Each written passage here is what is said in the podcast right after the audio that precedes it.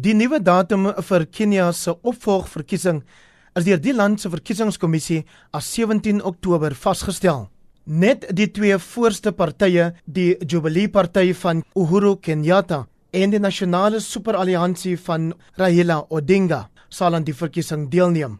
Dit kan straks sorg vir 'n anderste uitslag as 8 Augustus se 54% vir president Kenyatta en 44% vir die oppositieleier Odinga.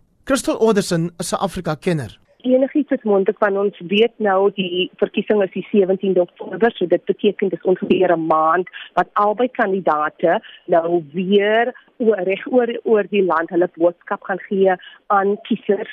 En ek dink dat Raila Odinga miskien vierde keer sal hy gelukkig wees. Ons weet in Ghana was dit dieselfde as die verkiesingskommissie hulle werk korrek doen en ons hoor nie enige stories oor slinkse dinge wat aangaan het dink ek Raila Odinga staan 'n kans.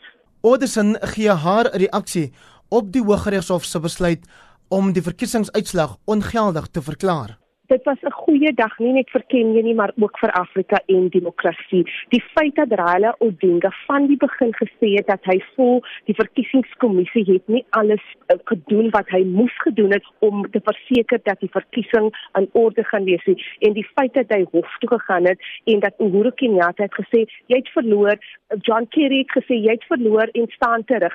Hy het hof toe gegaan. Daar was ongeveer 85000 blaaie wat die hof moes deurgaan en hulle het gevind dat die verkiesingskommissie was onregverdig teenoor Raila Odinga. So ek was baie verbaas, maar dit was regtig waar 'n goeie dag vir Afrika. Kenyatta het egter die Hooggeregshof regters verskelms uitgekry.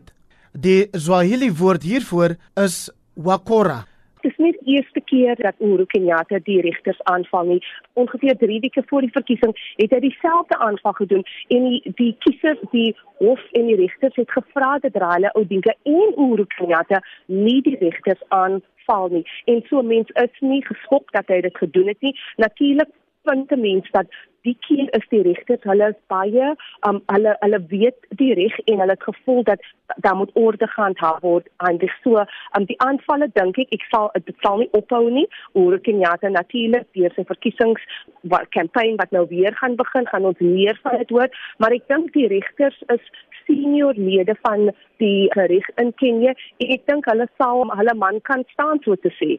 Watse vooruitsigte bestaan daar nou vir demokrasie en regverdige verkiesings in Afrika na die gebeure in Kenia? Ek dink dat die reg en regters in Kenia gewys dat demokrasie is nie net iets wat ons in die Wes kan kry nie, ons kan dit ook in Afrika kry.